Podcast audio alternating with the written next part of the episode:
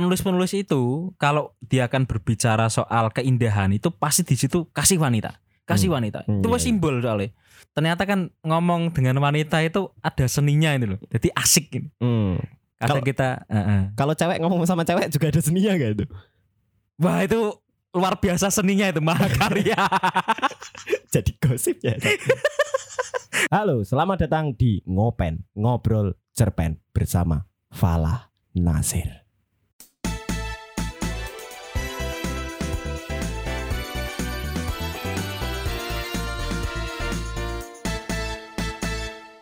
Kopi sejarah. Sahdan di Bukit Lembah Tandus hiduplah seorang wanita muda dan puluhan ekor kambing yang ia gembala. Ia hidup sendiri dengan gubuk sederhana hasil tangan suaminya yang kini telah pergi. Suatu hari di tengah peristirahatannya, sembari menengok kambing-kambing yang kini memakan semak tembikar kuning, kering, dan berduri, datanglah lelaki dengan bulan sabit di tangan kanannya dan sebilah pisau di tangan kirinya. Ia adalah sejarah. Kenapa kau datang hari ini? Sejarah mendekati wanita itu. Hei, kenapa kau datang hari ini? Apa bedanya kedatanganku esok, lusa, atau kemarin? Entahlah, tidak ada bedanya. Lantas kenapa kau bertanya? Memastikan, apakah kau sama dengan engkau yang dulu sering singgah dan bersama membangun kehangatan di kubu kami? Memang aku berubah, tanya sejarah. Kau? Ternyata selama ini bahkan dirimu sendiri tak tahu. Sejarah sepintas memandangi kambing kembali si wanita. Yang aku tahu wanita, kambingmu kini kurus dan terluka. Terakhir kulihat ia gemuk dan segar. Wanita itu terdiam. Ada yang tertahan. Ia ingin mengadu, tapi ia tahu dan sadar betul mengadu pada sejarah tidak ada gunanya. Memang benar dulu bukit yang ia tempati itu hijau dan subur. Si wanita dan suaminya adalah seorang pelari. Ya, mereka pelari. Pelarian dari timur dan mereka tidak diterima di barat. Menggembala kambing yang dulunya hidup liar adalah cara mereka mencari makan. Mereka bersahabat dengan bukit yang mereka singgahi. Dengan alam yang memberikan mereka cintanya seperti cinta ibu kepada anak-anaknya. Ya, sepasang kekasih itu juga anak asuh alam. Tapi lihatlah, kini alam menunjukkan tangan dinginnya. Hujan tak pernah membasahi bukit itu. Sejarah, kau telah berjalan dari timur ke barat, bahkan utara dan selatan. Di mana bisa kutemukan bukit hijau dengan kembang-kembang untuk gembalaku? Sejarah dengan dinginnya berkata, "Untuk apa aku menjawab? Kau sama dinginnya dengan alam. Kau telah menyaksikan ini dan kau tidak peduli dengan nasibku dan kambing-kambing itu. Aku di sini, kata alam, kata sejarah. Itulah kenapa aku bertanya. Kau jauh-jauh kemari dan tidak berbuat apa-apa. Kau tidak ingat kehangatan yang kita ciptakan saat pertama kali kami hidup di sini. Membangun peradaban sederhana, kata wanita. Aku datang kemari membawamu bulan sabit ini. Hah? Kau ingin aku lari dari kenyataan dan hidup dalam mimpi? Kenapa juga kau sebut bulan sabit sebagai mimpi? Karena bulan muncul di malam hari dan bentuk sabit seperti tempat ayunan tidur seorang princess. Bulanku bisa muncul di siang hari. Ia bukan mimpi, sayang. Sejak kapan kau berani memanggilku sayang? Sudah hangatkah? Sebenarnya aku tidak memberikan, hanya mengembalikan sesuatu yang dulu milik suamimu. Maksudmu? Dulu suamimu memberikan benda itu padaku sebelum aku pergi ke arah barat. Katanya, benda itu bisa menjagaku dari barak dan bahaya. Sungguh baik suamimu. Karena benda itu benda berharga satu-satunya milik suamimu. Aku telah salah. Aku bukan orang yang percaya terhadap khasiat suatu benda. Aku tidak tahu makna simbol benda.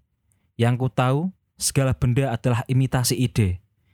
Aku lebih percaya pada benda di tangan kiriku. Ia telah terbukti bisa menjaga diriku dari binatang-binatang buas dan bahaya yang lain. Konon, benda ini juga adalah yang membawakan manusia hingga sejauh ini. Manusia hanya mengenal pedang dan tombak dan panah. Justru ternyata kini aku pun terbuang di barat karena pedang itu. Manusia kini mengenal sihir yang bermacam-macam bentuknya. Pedang adalah masa lalu, lalu aku pun pergi. Kau cerewet banget sejarah. Aku tak mengerti ceritamu. Lalu kenapa kau mengembalikan bulan sabit ini padaku? Kau ingin aku percaya pada benda yang tidak membawakanmu pengaruh apa-apa? Aduh, wanita, wanita. Kau benar-benar tidak pahaman, wanita. Lah kamu tidak to the point, sejarah. Aku ingin sejahtera dan kau membawakanku mitos. Jawab sejarah dengan santainya. Kopi mana kopi? Iya. Tepuk tangan dong untuk Empala dong. Apa kabar Empala? Luar biasa. Akhirnya saya bisa mendatangkan Empala di studio podcast Mimbar. Selamat datang di podcast Teater Mimbar di studio kecil saya ini. Cukup sumuk ya? Luar biasa. Tapi, Ya. ya. Tapi apa? Tapi apa? Tolong katakan jujur lah soal ini. Tapi hatiku sedang hangat. Oke, ter- terima kasih. Ya kita datang dengan kemasan yang berbeda teman-teman. Biasanya kita ngobrol soal puisi, kali ini kita ngobrol soal cerpen dan kali ini depan saya sudah ada teman kita, seorang penulis lagu, seorang komposer, seorang penulis cerpen. Aku berlebihan pora. Sedikit berlebihan. Kudunya harus berlebihan dong. Bukan apa-apa. Eh, jadi de- tadi dia itu aku aku udah cerpen. Judulnya ketok eh bahas tentang sejarah. Tak kira lagi bahas tentang kerajaan Majapahit, bahas tentang kera- opo ya sesuai apa yang sebiasanya dia omongkan lah kepada orang-orang lah. Ternyata ora, ternyata sejarah itu nama orang. ternyata sejarah itu nama orang dan dan ada tokoh bernama sejarah dan ada wanita di sana. Mungkin Emfala bisa ceritakan sedikit apa apa isi dari cerpen yang eh, Emfala tadi baca. Tulisan sendiri. Iya tulisan Luar sendiri. biasa sekali. Eh, kalau tadi saya sempat bilang pada Mas Nanang kalau eh, Mas Balung, Mas Balung. Mas Balung. Oke, oke. Eh, karena lebih mengenal Balung ya. Nanang Iya, itu iya. siapa? Jadi saya akan ini cer, ini cerpennya soal sejarah. Ya yang sejarah yang saya maksud itu tokoh dalam cerpen ini. Sa- saya ditipu ya. iya, ini nama tokohnya itu sejarah. Jadi di sini kan ada sejarah dan ada wanita. Kalau ditanya ini sejane isinya apa ngono? Boleh Atau- bisa bisa dibilang begitu. Ini Eh. tentang apa sih sebenarnya? Soalnya dari tadi itu saya itu ah, tidak tidak bertimbul kesan di dalam otak saya itu karena satir Anda itu terlalu banyak sekali lah untuk saya lah. Jadi eh, sebenarnya ini sederhana. Jadi tadi cuman cara membaca saya saja yang jelek dan tadi ternyata ada beberapa paragraf yang saya loncati. Terlewatkan. Ada seribu kata tepatnya yang tadi hilang. Jadi saya meloncat ini tadi. Oh gitu. karena mungkin HP-nya kecil ya. HP-nya kecil. Ada seribu kata persis yang hilang. Tapi tidak apa-apa. Eh, ternyata yang tadi yang hilang itu sebenarnya di awal. Jadi Hmm. sebelum saya mengatakan di pasca tadi saya bilang sahdan. Jadi saya save ini kan bentuknya ternyata yang di file HP saya ini berpotong-potong. Jadi satu potongan itu seribu kata. Jadi tadi ada banyak jeda. Itu sebenarnya saya buka folder lagi. Oh gitu. Jadi kembali buka folder lagi. Jadi Nulisnya di note teman-teman Iya. ternyata. di note persis karena HP saya Andromax. Oh iya. Ya. Iya kita kita terima kasih atas infonya Emma. info yang sangat tidak penting untuk menangani itu. Oke kita kita benang merah dulu. Ini Hmm. ini tentang apa ini sebenarnya cerpen yang eh, Emfala tulis ini? Berawal dari anu. Eh, kalau isinya itu sebenarnya cuman ngomong ke ternyata kita itu eh sejarah yang ditokohkan di sini itu dia itu kan membawakan dua benda. Jadi saya tidak tahu ini kategori cerpen apa saya tidak tahu, tapi jelas ini masuk kategori cerpen karena banyak Banyak eh, kata ya? Banyak kata. Wis ngono wae. Membawa dua benda pedang dan bulan sabit ya kalau nggak Nah, salah ya. Di tangan kanannya itu bulan sabit, di tangan kirinya itu Pedang. pedang. Jadi ini persis seperti yang ketika saya membaca buku-buku sejarah. Jadi saya itu diberikan eh, dua dua dua benda ini. Jadi saya menyimbolkan eh, bulan sabit dan pedang. Seandainya saya pilih yang bulan sabit, jadi bulan sabit ini kan sering dibikin simbol di eh, kayak nih masjid-masjid kadang Oh iya iya iya iya iya. bulan sabit, Bulan ini gitu sabit, bintang Sabit, gitu ya. bintang gitu. ataupun nek nek dolan game perang-perangan itu sing tentara sing berbau Turki berbau kerajaan-kerajaan Islam ku pedangnya ono lambang-lambang kok bulan sabite apa bintang ngono Anda memperhatikan sekali ya itu. Eh, ning game-game perang itu. Nah, sing nganu ki engko bentuke koyo apa sing nggone Kristen ki bentuke koyo anu koyo apa jenenge? Koyo apa? Apa ki jenenge salib ngono. Hmm. Nah, itu bulan sabit. Lah bulan sabit itu kan di sini kan ada anu. Jadi si wanita itu menangkap bulan sabit itu iki jenenge wong wadok. Wong wadok iki ra pahaman. Bisa dibilang begitu. Saya sedikit sepakat itu. Sedikit sepakat. Maaf ya teman-teman wanita yang sedang mendengarkan podcast kita. ya lebih baik jangan dengarkan. Karena ini tidak penting. Jadi bulan sabit ini dia menangkapnya sebagai seperti orang ber, tapi sebenarnya ini ya, jadi wanita itu kan menangkap ada keindahannya. Jadi dia kayak seorang tempat tidur seorang putri. Sebenarnya tadi dialognya seperti itu tapi tak kayak princess itu Bu. mau piye soalnya itu. Jadi dia mengambil seperti tempat tidur Hmm. tempat ya ini aduh te- teman-teman tidak lihat studio ini Nanang di sini sebelah kiri saya itu ada tempat tidur kayak bulan sabit Iya, hamuk-hamuk lah. Teman-teman Hamuk. kalau tahu bentuk hamuk ya itulah. Kurang lebih lah. Eh, eh, itu bulan sabit tapi bukan itu yang dimaksudkan. Tadi si sejarah sempat punya indikasi di awal dia bilang eh, bulanku ini sebenarnya dia sabit tapi sebenarnya dia itu jadi nek bulan sabit itu kan penyebabnya apa? Itu kan Ali yang bisa tahu. Jadi kalau mau tahu bulan sabit eh aku kok gak anu ya gak bernafsu untuk ngomong kayak yang saya maksud bulan sabit ya kata ketoknya kurang asik. Hmm. jadi kalau jenengan pengen tahu, jadi se- penyebab ono bulan itu kan kadang bulan itu kan purnama, kadang sabit itu kan disebabkan oleh apa itu kan nanti tanya sama Ali dan yang saya maksudkan bulannya itu sebenarnya adalah pemahaman. Jadi malam itu kan peteng loh. Kita Hmm. tidak tahu apa-apa. Gelap gitu ya. Nah, ah, lah kemudian ada yang mahab tahu itu si matahari Hmm. itu kan memancarkan di malam hari itu kan dia memantulkan sinarnya ke bulan. Hmm. Jadi jadi bulan itu pengetahuan yang sudah pan- pantulan dan itu kemudian bentuknya itu sabit. Jadi ada peristiwa alam di situ. Nah, itu bulannya. Nah, kemudian pedang itu yang adalah pemahaman tapi yang saya nganu, yang lebih kepada ekstremis sebenarnya. Ekstremis itu bukan bukan soal teroris ya anu. Ekstremis itu bahkan sampai wong sing sergap ngibadah iso dadi ekstremis. Saya langsung berpikir seperti itu padahal. Nah, nah itu jadi dan sejarah itu menyuguhkan dua ini. Jadi pemahaman yang seperti bintang dan pemahaman yang seperti pedang. Jadi dia tajam, mengiris dan ya berbahaya. Jadi dipegang itu berbahaya. Tapi dalam satu kondisi tertentu dia bisa menjadi pertahanan yang kuat.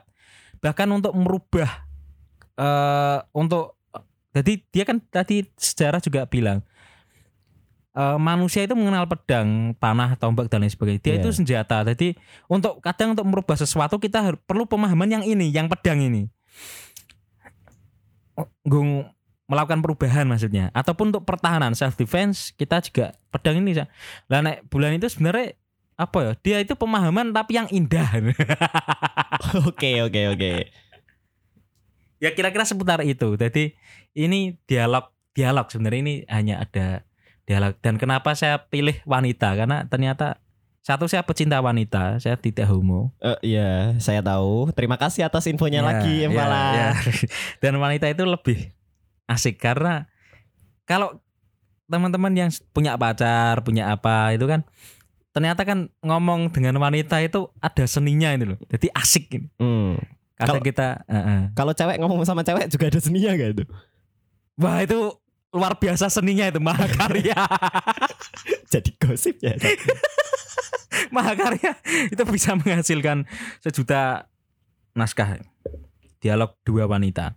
Hmm. Tapi saya ambil wanita ya s- eh, karena biasanya kan kalau ini penulis-penulis itu kalau dia akan berbicara soal keindahan itu pasti di situ kasih wanita, kasih Hmm. wanita. Hmm, Itu iya, wes simbol soalnya. Kasih kayak tokoh wanita atau peran biasanya diperankan oleh wanita misalkan untuk menggambarkan misalkan bulan itu ditampilkan kadang kan orang us aktor wadok Hmm. opo-opo wadok ngomong ke keindahan itu wadok delok tak lekuk-lekuk tubuhnya itu loh Oh ngono.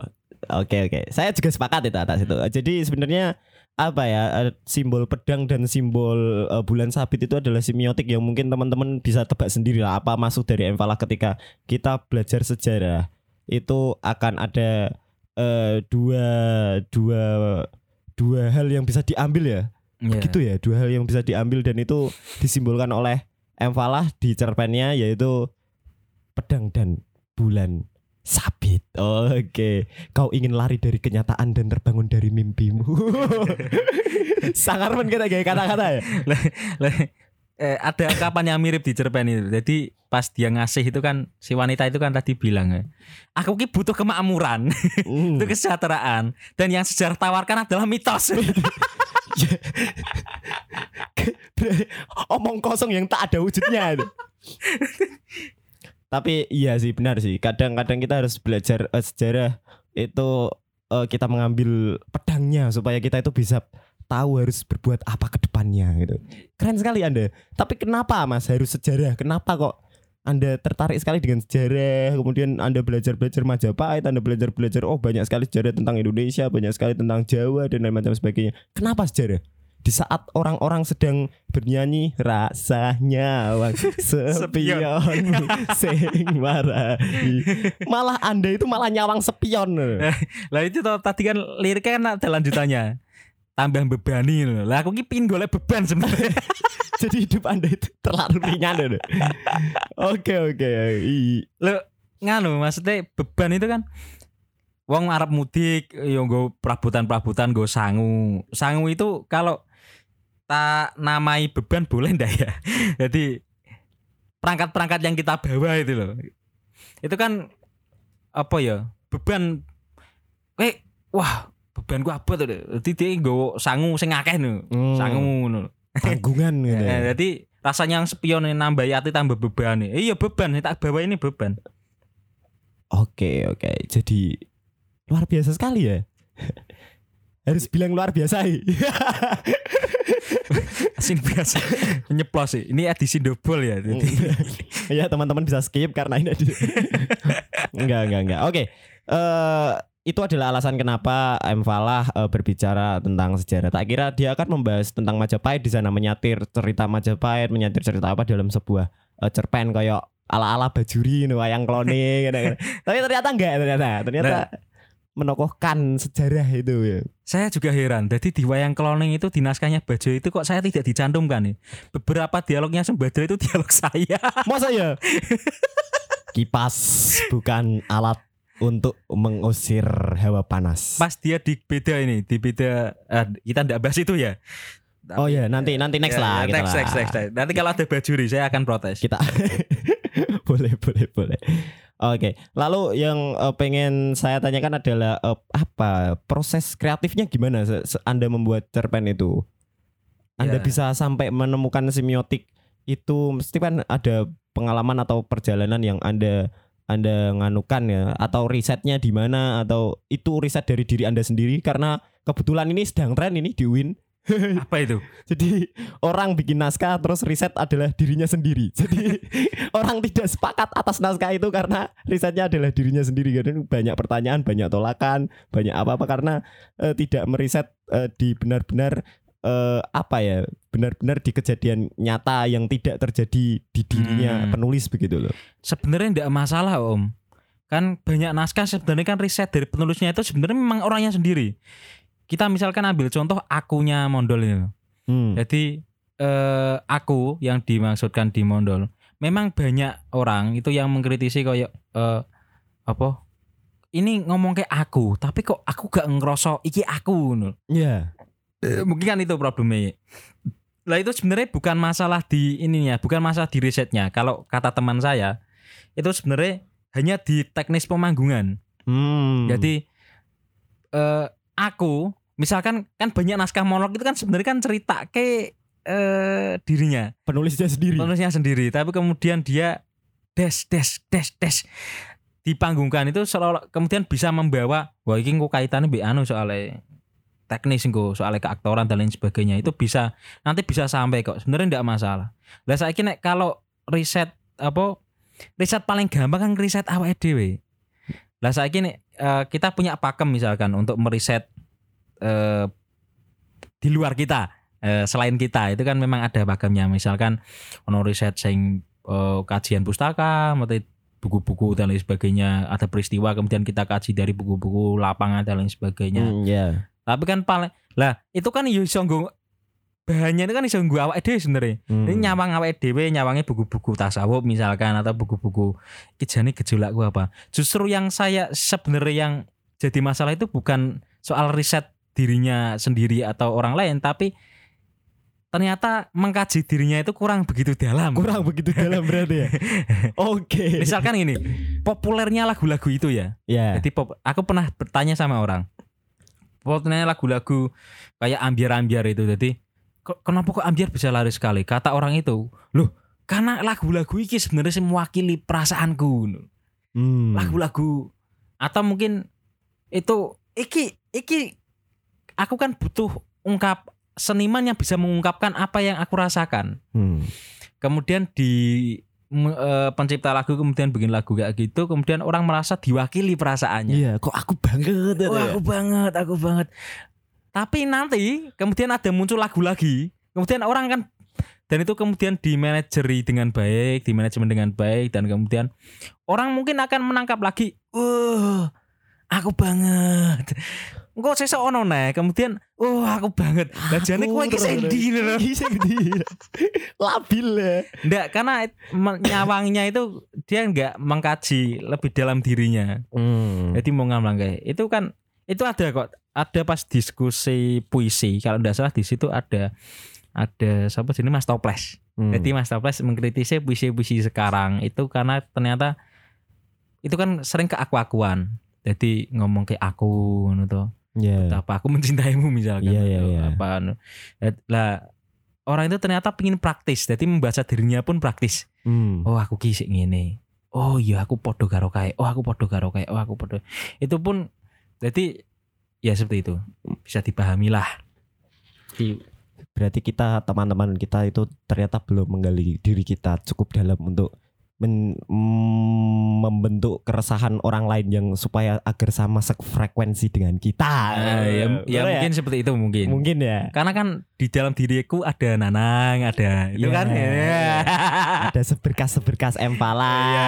seberkas niam, bener ya. dan ada benih-benih dari orang lain Eh, ya ya ya.